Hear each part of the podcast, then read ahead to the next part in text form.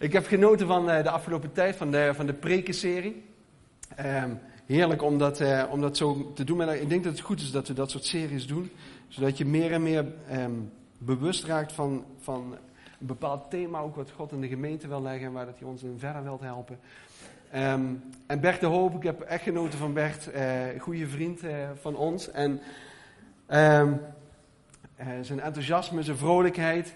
En het enige wat ik me kan herinneren ja, nee, zo moet ik. Het enige wat, wat waar, waar, ik van dacht van, boah, dat is zo gaaf wat hij vertelde. Dat hij op de bank lag met, met, met MM's. En, uh, uh, en chips, geloof ik, en drinken. En dat hij naar de Band of Brothers keek. En dat hij dacht van, oh, zou ik, ik zou wel mee willen in dat, in dat gevecht. En ik zou ze ook overwinnen. Maar ja, als het erop aankomt, dan wordt het allemaal spannend, dan wordt het moeilijk. Maar hij dacht van, oh, wat is het mooi als wij een, een, een koninklijk priestergeslacht zijn wat met elkaar optrekt. Wat niet eh, dan op de bank hangt, maar dat je voelt van, hé, hey, daar wil ik deel van uitmaken, daar wil ik bij betrokken zijn. En eh, ik heb een heel aantal ontslagbrieven gekregen. Weet je nog dat hij dat vertelde? Dat je eigenlijk een soort ontslag neemt van je volwassen leven. Uh, en dat je weer op, opnieuw dat stuk kind mag omarmen. Dat je in de armen van de vader kunt, kunt rennen. Zo mooi. Nou, en vorige week was ik spreken in, in Park City Church in Heerlen. Dat is ook ontzettend leuk. Um, maar toen spraken uh, Jan en Anneke. En halverwege de preek kwam ik erachter dat het een beetje lastig te volgen was via internet. Want Jan had allemaal foto's. Dus ik probeerde een beetje te achterhalen wat er precies bedoeld werd. Maar ik vond het heel mooi, Anneke, je begon met het, met het stuk dat God jullie zo nabij is geweest in je huwelijk. en ik denk dat het zo wezenlijk is dat je God ervaart in het huwelijk, in de, in de, in de situatie waarin dat je bent. En dat hij je daarin wil bemoedigen, hij je daarin verder wilt helpen. En Jan die haalde allerlei foto's aan en gaf daar een aantal gedachten over waarin dat God bij je kan zijn. En dat er soms moeilijke dingen in jouw leven kunnen zijn die, um, ja, waar, waar, je mee te maken krijgt en waar, waar dat God je ook echt wilt, uh, doorheen wilt helpen. En toen dacht ik van ja, wat, wat is er dan nog over om te vertellen? Want er zijn zoveel dingen al gezegd en zoveel dingen al gedaan. En ik wil met jullie een stukje lezen uit Lucas 5. En ik ga Lucas 5 gebruiken als een springplank voor datgene wat ik zo meteen wil gaan delen met jullie.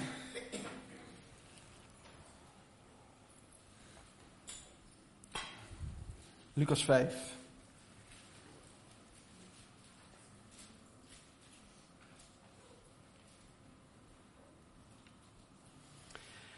Simon Petrus, Jacobus en Johannes geroepen staat er bij mij boven. Toen hij eens aan de oever van het meer van Genesaret stond en het volk zich om hem heen verdrong om naar het woord van God te luisteren, zag hij twee boten aan de oever van het meer liggen. De vissers waren eruit gestapt. Ze waren bezig de netten te spoelen. Hij stapte in een van de boten die van Simon Petrus, die van Simon Petrus was, en hij vroeg hem een eindje van het land weg te varen. Hij ging zitten en gaf de menigte onderricht vanuit de boot. Toen hij was opgehouden met spreken, zei hij tegen Simon: Vaar naar diep water en gooi netten uit om vis te vangen. Simon antwoordde: Meester, de hele nacht hebben we ons ingespannen en niets gevangen. Maar als u het zegt, zal ik de netten uitwerpen. En toen ze dat gedaan hadden, zwom er zo'n enorme school vissen in de netten dat die dreigden te scheuren. Ze gebaarden naar de mannen in de andere boot dat die hem moesten komen helpen. Nadat deze bij hen waren gekomen, vulden ze beide boten met zoveel mogelijk vis dat ze bijna zonken. Toen Simon Petrus dat zag, viel hij op zijn knieën voor Jezus neer. Ga weg van mij, Heer, want ik ben een zondig mens. Hij was verbijsterd, net als allen die bij hem waren, over de enorme hoeveelheid vis die ze gevangen hadden. Zo verging het ook Jacobus en Johannes, de zonen van Zebedeus die met Simon samenwerkte. Jezus zei tegen Simon: Wees niet bang. Voortaan zul je mensen vangen. En nadat ze de boten aan land hadden gebracht, lieten ze alles achter en volgden hem. Tot zover. Ik zei het al, ik ga het een beetje als een springplank gebruiken over de Heer je God staat je bij. Want het is misschien een beetje lastig te pakken in dit verhaal. Um, in ons leven maken we eigenlijk mee dat we God nog niet kennen, dat we Hem leren kennen en dat we dan met Hem gaan wandelen. Herkenbaar? We kennen God nog niet, we leren Hem kennen en dan gaan we met Hem wandelen. En dit is wat bij Simon Petrus gebeurde. Simon Petrus, Jacobus en Johannes, dat waren die drie geliefde discipelen van de Heer Jezus. En dit was het moment dat ze Jezus gingen ontmoeten. Ze waren nog geen discipel, ze hadden eigenlijk een, een ze waren beroepsvissers. De nieuwe haring kwam van hun vandaan. Zij waren degene die dat deden. En ik kan me voorstellen dat dat wat lastig is om, om te pakken dat dan Jezus tegen je zegt, ga het meer op en gooi je dat net nog eens een keer uit. Want Jezus, hij had van veel dingen verstand, maar hij was timmerman. En deze mannen waren vissers. En bij deze Simon gebeurde iets bijzonders. We lezen eigenlijk dat hun de hele nacht hadden gevist en dat ze hun netten aan het schoonmaken waren. Het was eigenlijk de bedoeling dat het klaar was, dat het oké was, dat het over was. En toen vroeg Jezus aan hun, zou je nog een keer willen uitvaren? En ik denk dat dat heel erg lastig is. Tenminste, voor mij is het heel erg lastig. Als je net door mislukking heen bent gegaan, om dan weer opnieuw te vertrouwen. Herkenbaar? Je hebt iets meegemaakt en je denkt van, dit gaat gewoon niet lukken. En je moet weer opnieuw geloof hebben voor datgene wat God zou willen gaan doen. Doe het nog maar een keer, zei de Heer Jezus. Lastig. Lastig. En de Heer Jezus die is eigenlijk zo nabij bij Simon Petrus dat hij bij hem in de boot zit. Hij zit eigenlijk in de wereld van Simon Petrus. Dat was de wereld die voor hem bekend was. Dat was de wereld waarin dat hij leefde, waar dat hij elke dag in de boot stapte en hij ging vissen. En dat was zijn plek. Hij was daar thuis. En toen was Jezus ineens in zijn wereld gekomen. En ik vraag me af, misschien herinner je zelf nog een beetje de tijd dat de Heer Jezus in jouw wereld binnenstapte. Dat hij in één keer nabij was bij jou. Dat hij in één keer in jouw boot zat, in jouw situatie zat.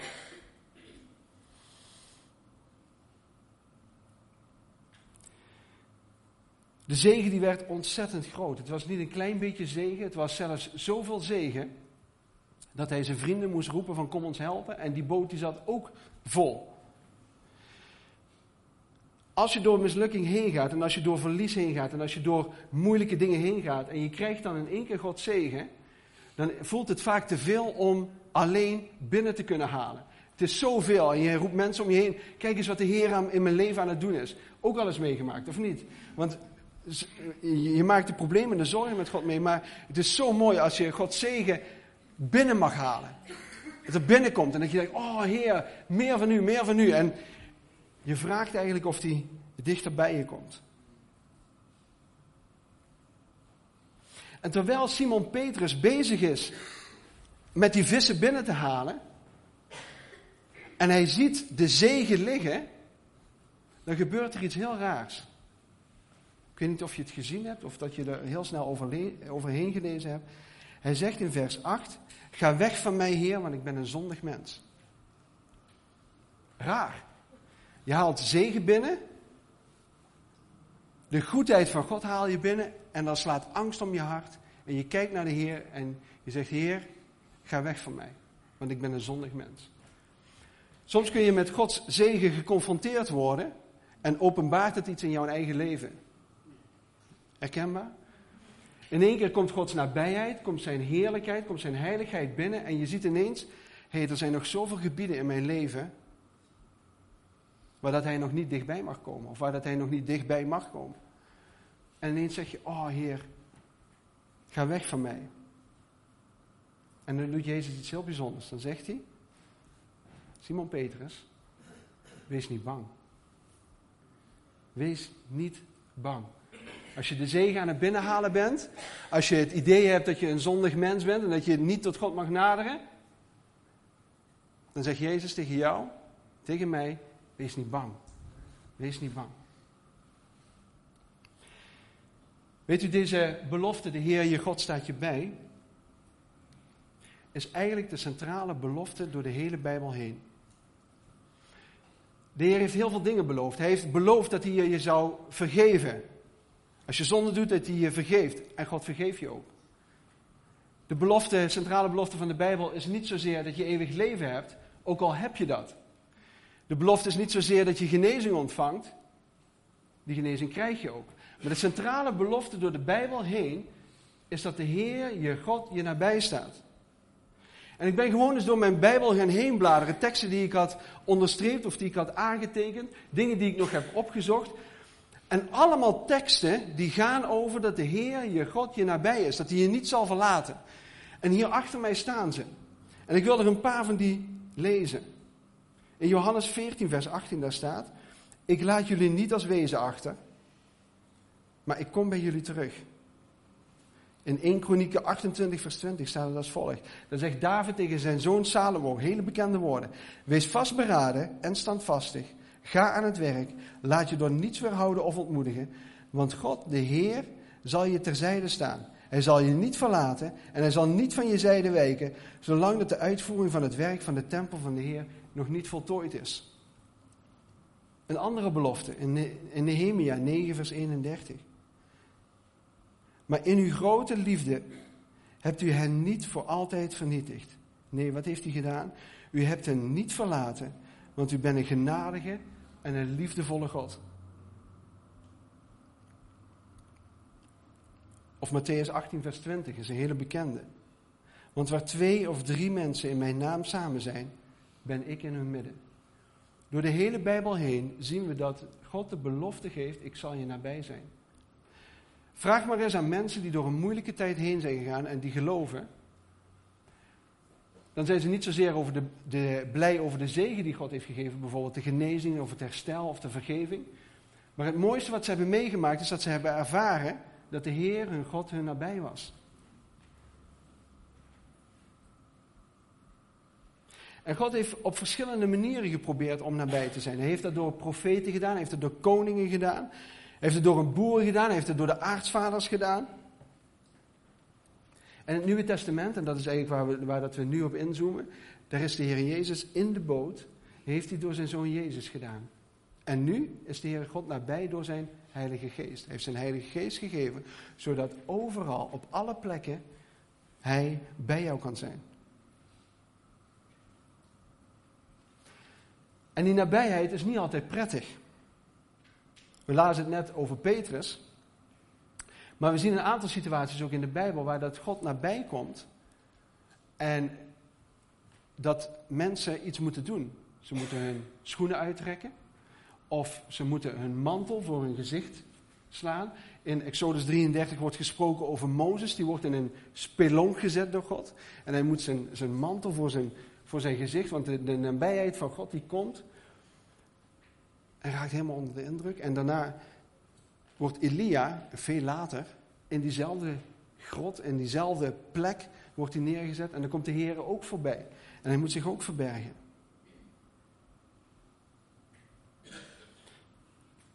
En ik denk dat het goed is om je af te vragen of je Gods nabijheid ook daadwerkelijk wilt. Want dat betekent dat je iets van jezelf ook zal moeten loslaten of zou moeten overgeven. Want als hij dichterbij komt, dan gebeurt er automatisch iets met mij. Je ziet het bij Simon Petrus gebeuren, bij al die mensen hier in de Bijbel. Zie je het gebeuren als de Heer er nabij komt, dan doet dat iets in mijzelf. Nabijheid kost je wat. Als je nabij je partner wil zijn, dan betekent dat daar alle eh, obstakels als het ware moeten vallen.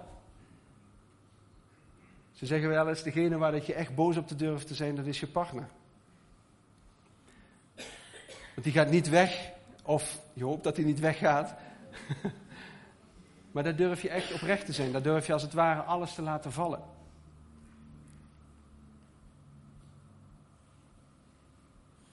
En ik denk dat geestelijke groei te maken heeft met het ervaren van Gods nabijheid. Ik zal dat proberen een beetje uit te leggen. Geestelijke groei is eigenlijk niks anders. We willen, willen allemaal niet kinderen blijven, maar we willen groeien in ons geloof. Toch? We zitten hier allemaal omdat we willen verder komen in datgene wat we geloven. En ik denk dat, maar ik wil voorzichtig zijn. Ik denk dat geestelijke groei niets anders is dan de mogelijkheid of de capaciteit om God meer en meer in jouw leven te ervaren. Om te zien, op te vallen dat je God in je leven ervaart. En het zou zo moeten zijn dat jouw geestelijke groei op die manier werkt. Dat je voortdurend een bewustzijn hebt dat God erbij is. Dat God je nabij is. Als je naar school toe gaat, dat God je nabij is. Dat je, als je in de schoolbanken zit, dat God je nabij is. Als je onderweg naar je werk bent, dat God je nabij is. Als jij de planten aan het water geven bent, dat God je nabij is. En ik weet dat je dit misschien al duizend keer gehoord hebt. Maar ik denk dat geestelijke groei echt te maken heeft met een bewustzijn. Elke dag opnieuw, elk moment van de dag. Dat God je nabij is. En soms is God wat moeilijk te vinden. Wat moeilijk, dan is het alsof hij een beetje vermomd is. Onze kinderen hebben zo'n boek van Richard Scarry. Ik weet niet of jullie dat kennen, dat boek. En dat is een tekenboek waar heel veel op staat. Uh, dat is een, een, een, boek met, met auto's. En er zijn allerlei auto's. En de tekening staat helemaal vol met van alles wat er te zien is. Er zitten uh, uh, allerlei dieren die, die zich verplaatsen. En er zit een opdracht in dat boek. En de opdracht in dat boek is dat je elke keer het muisje moet zoeken. En het muisje is piepklein. Niet te vinden. En die kinderen die zetten door totdat ze het gevonden hebben. Daar zit die papa. En dan moet de bladzijde om en dan kun je het verhaal lezen. En ondertussen zijn de kinderen die muis aan het zoeken. Piepklein. En dat verlangen wat kinderen als het ware hebben om te zoeken naar dat, naar dat muisje, dat zou het verlangen ook van ons horen te zijn. Dat ons verlangen uitgaat om de Heere God te zoeken in alles wat wij zien, elke dag opnieuw.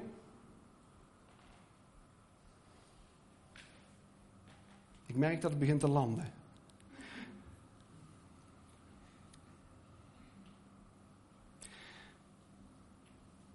Weet u, het is zijn verlangen om dicht bij u te zijn. Wij van nature hebben dat verlangen niet, maar het is Gods diepe verlangen om dicht bij ons te zijn. Ik las uh, een tijdje geleden het verhaal van twee mannen. En die twee mannen die uh, vertelden over hun stille tijd. En die, die twee mannen die zeiden tegen elkaar: Ja, als ik, naar, uh, als ik de Heere God wil ervaren, dan ga ik naar een open plek in het bos. En de andere man die zei tegen hem: Maar ja, God is toch overal? Je hoeft toch niet naar de open plek in het bos te gaan om God te ervaren? En het antwoord van deze man was: God is wel overal bij mij, maar ik ben niet overal bij Hem. En ik geloof dat het heel wezenlijk is om te beseffen dat, er, dat, dat wij als het ware van die ontmoetingsplekken hebben waar dat we God ontmoeten. Waar dat we Hem tegenkomen, waar dat we Hem zien, waar dat we Hem ervaren, dat we tot Hem kunnen spreken. Het is niet zozeer dat, dat, dat je niet weet dat God overal is. God is overal. Alleen is het aan ons om Hem voortdurend te zoeken. De bladzijden af te speuren en te kijken waar dat Hij is. En voor mezelf ben ik ook gaan afvragen, wat, wat zijn nou momenten dat ik God ervaar? Dat ik Hem nabij voel. Dat ik echt merk van Heer, U bent nu bij me. Ik zie iets van U. En dat maakt me zo blij, dat maakt me zo dankbaar. Dan kan ik zo die genade van God pakken. En dat is op, op het ene moment beter dan op het andere moment. En ik ben voor mezelf eens gaan, eh, gaan opschrijven wat dat was. En eh, een emotioneel wrak als dat ik ben, terwijl dat ik het aan het schrijven was, begon ik natuurlijk. Uh, ik zeg, Ka, je moet het even luisteren, want dit, dit, overvult, dit vervult mij zo. En ik dacht, wat is dit goed om te doen? Omdat ik zie van, hé, hey, de Heer is daar bij me, de Heer is daar bij me, de Heer is daar bij me. En ik wil een paar van die situaties wil ik gewoon tegen je zeggen. En misschien dat je er iets aan hebt. Dan gaan we natuurlijk proberen om man te blijven, hè? Oké. Um, het was de geboorte van mijn kinderen en toen ik ze voor de eerste keer in mijn handen had en ze mocht aankijken. Als ik in het doopbad sta. Als ik door het weiland loop. Als ik de psalmen lees. Als ik alleen in deze zaal ben. Als ik mijn dochter hoor bidden. Als ik mijn vader hoor en zie vertellen over mantelzorg. Als ik een getuigenis hoor van een veranderd leven. Als ik avondmaal vier met een bejaagd echtpaar. Als ik het brood breek van het avondmaal. Gevouwen kinderhandjes in gebed. Als ik mijn kinderen in hun slaap zie ademen. Als ik onze bidders naar de dienst bezig zie. Als ik door mijn nieuwe huis loop. Als ik mijn vrienden hoor vertellen wat God voor ze betekent. Als ik ergens anders heb gesproken en ik hier weer thuis kom. Als iemand in de thuisgroep voor de eerste keer bidt. Als ik mijn vrouw zie aanbidden. Als ik een kindje mag opdragen. Als ik de zon door de bomen van het bos zie.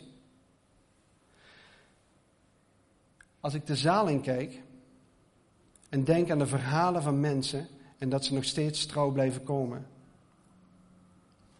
Als ik aan een sterfbed sta. Als ik een huwelijk mag inzegenen. Als ik mensen zie die tegen alle stormen in op God blijven vertrouwen. Als ik onze jeugd zie.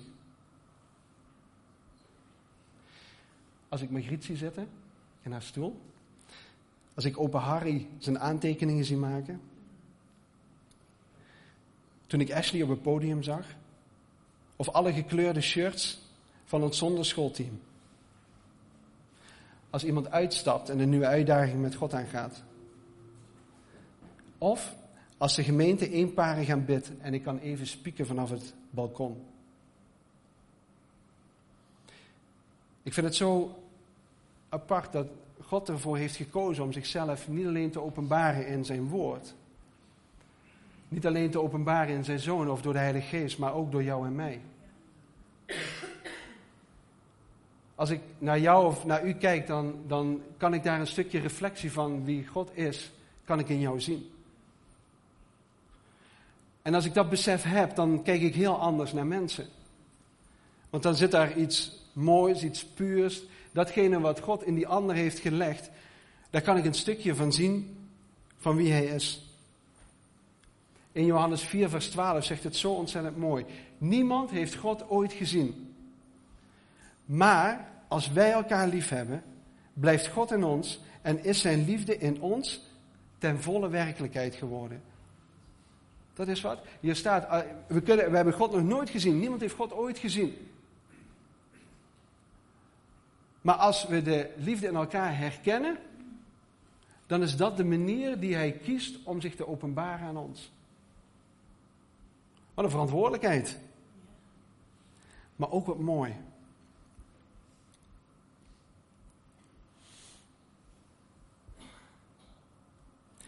En mijn vraag is misschien ook wel vandaag: van ben je in staat om datgene ook bij iemand anders te kunnen zien? En overvalt je dan misschien ook wel eens een gevoel dat je eigenlijk zou willen terugdeinzen? Nee. Die ontmoeting die vraagt van ons om ook niet bang te zijn. Net zoals dat Simon Petrus niet bang was.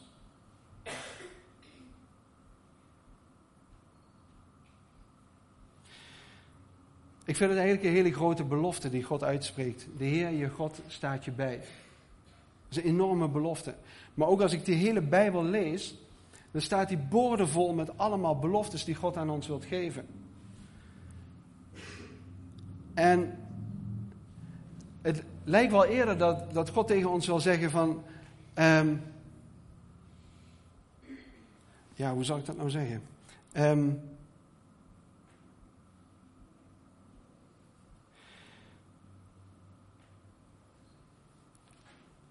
God die blijft die beloftes maar aanprijzen. En het lijkt wel alsof hij ons, ons aanvuurt en aanmaant om die beloftes aan te nemen. Het is niet zozeer dat hij, dat hij ons wilt herinneren of dat hij wilt zeggen van nou, ik heb weer een nieuwe belofte voor je. Maar ik denk dat het eerder is dat wij veel te klein voor God denken. En dat God elke keer opnieuw zijn beloftes moet herhalen. Hé, hey, luister, dit staat erin. Je vraagt te weinig, je verwacht te weinig, je, je vraagt niet genoeg aan mij. Ik heb al die beloftes gegeven en ik wil dat opnieuw elke keer weer aan jou geven, wil ik je toe laten komen.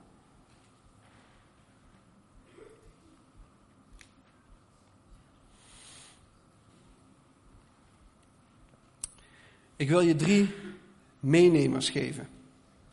Drie woorden die je mag opschrijven. Um, om vanuit deze preek mee te nemen in jouw dagelijks leven. En de eerste is welk net kies jij? Welk net kies jij? We lazen net eigenlijk over twee netten. Het ene net werd schoongemaakt en het andere net was vol met vis. Alleen het ene net met vis vraagt dat je je teleurstelling loslaat en dat je bereid bent om een nieuw net omhoog te hijsen. Misschien denk je wel, dit net wat ik nu heb, dat is, dat is vruchteloos. Hier kan nooit iets in gebeuren. Hier kan nooit een situatie in veranderen. Misschien is het net dat je wel hebt neergelegd dat je denkt van, Heer, ik weet het niet meer. Ik vertrouw het niet meer. Het lukt me niet meer. Het lukt me niet meer om opnieuw te vertrouwen. En je blijft het net maar schoonmaken. Maar de belofte is eigenlijk in deze. Ben je bereid om nog een keer het meer op te gaan? Ben je bereid om nog een keer dat net uit te gooien?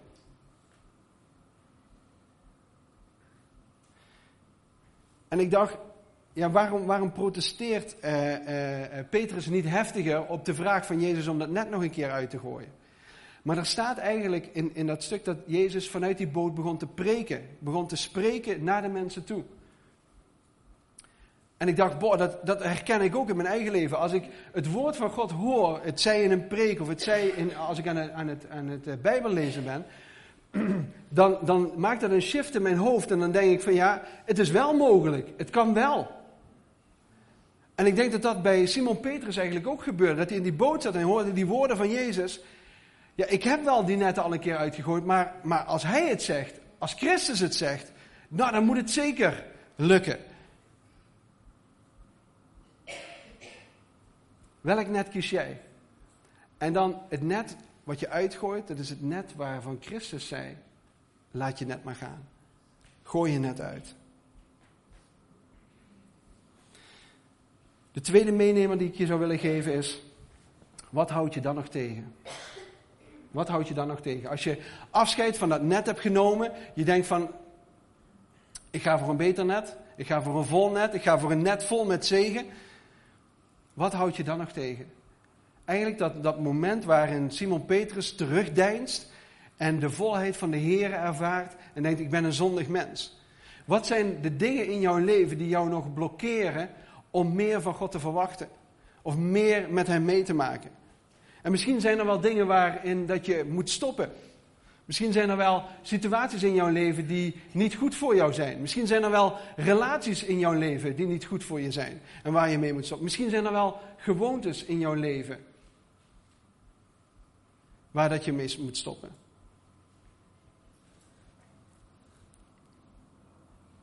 En misschien zijn er ook wel denkbeelden in jouw hoofd gekomen. Je hebt God altijd op een bepaalde manier ervaren of meegemaakt. Dat je denkt van hij zal altijd op die manier reageren. En dat is een patroon in jouw leven geworden. Maar hoeveel kans geef je om, aan God om iets nieuws te kunnen doen? Om daar ruimte in te geven en die ruimte ook toe te laten. Leuk, ik was gisteren op een feestje en ik raakte met iemand aan de praat. En, ehm, en we hadden het natuurlijk, eh, ja, natuurlijk, we hadden het over, uh, over geloof en over kerk. En, en dat valt me elke keer op dat, dat mensen uh, het idee hebben dat, dat geloof een, een, een, onderdeel van mijn leven is. Dat ik op zondag naar de kerk ga en dat, dat ik een taak heb of een rol heb. En, maar ik denk, ja, dat is het niet. Geloven, ja, laat ik het zo zeggen. Geloven is niet het soort systeem waar dat je in zit. Weet je wel, dat je, dat je op de weg houdt. Of het, het is ook niet een onderdeel van jouw leven. Sterker nog, het is je leven. Alles wat je doet, bekijk je eigenlijk door die bril van geloven. En zolang dat geloven voor jou nog een onderdeel blijft, ik ga op zondag naar de kerk, of ik lees eens een keer in de Bijbel, of ik aanbid eens een keer, dan blijven dat allemaal segmenten in jouw leven maar geloven gaat eigenlijk over die hele lijn. Alles wat ik ben, wat ik doe, wat ik ervaar, dat zou eigenlijk moeten gaan over aanbidding. Ehm, over bij Hem zijn. En het is veel meer wie ik ben dan iets wat ik doe of waar dat ik naartoe ga. Is dat een beetje te volgen? En daarom, als je God altijd op een bepaalde manier ervaren hebt, dan maakt hij nog niet, ik zal maar zeggen met een lastig woord, integraal deel uit van je leven. Maar dan is hij een onderdeel van je leven. Want in dat onderdeel heb ik God ervaren, heb ik hem meegemaakt. En ik zeg het echt net zo hard tegen mij, tegen mijzelf. Want ik wil hem eigenlijk in mijn hele leven toelaten. Ik wil eigenlijk in alle facetten van mijn leven, wil ik hem binnenlaten.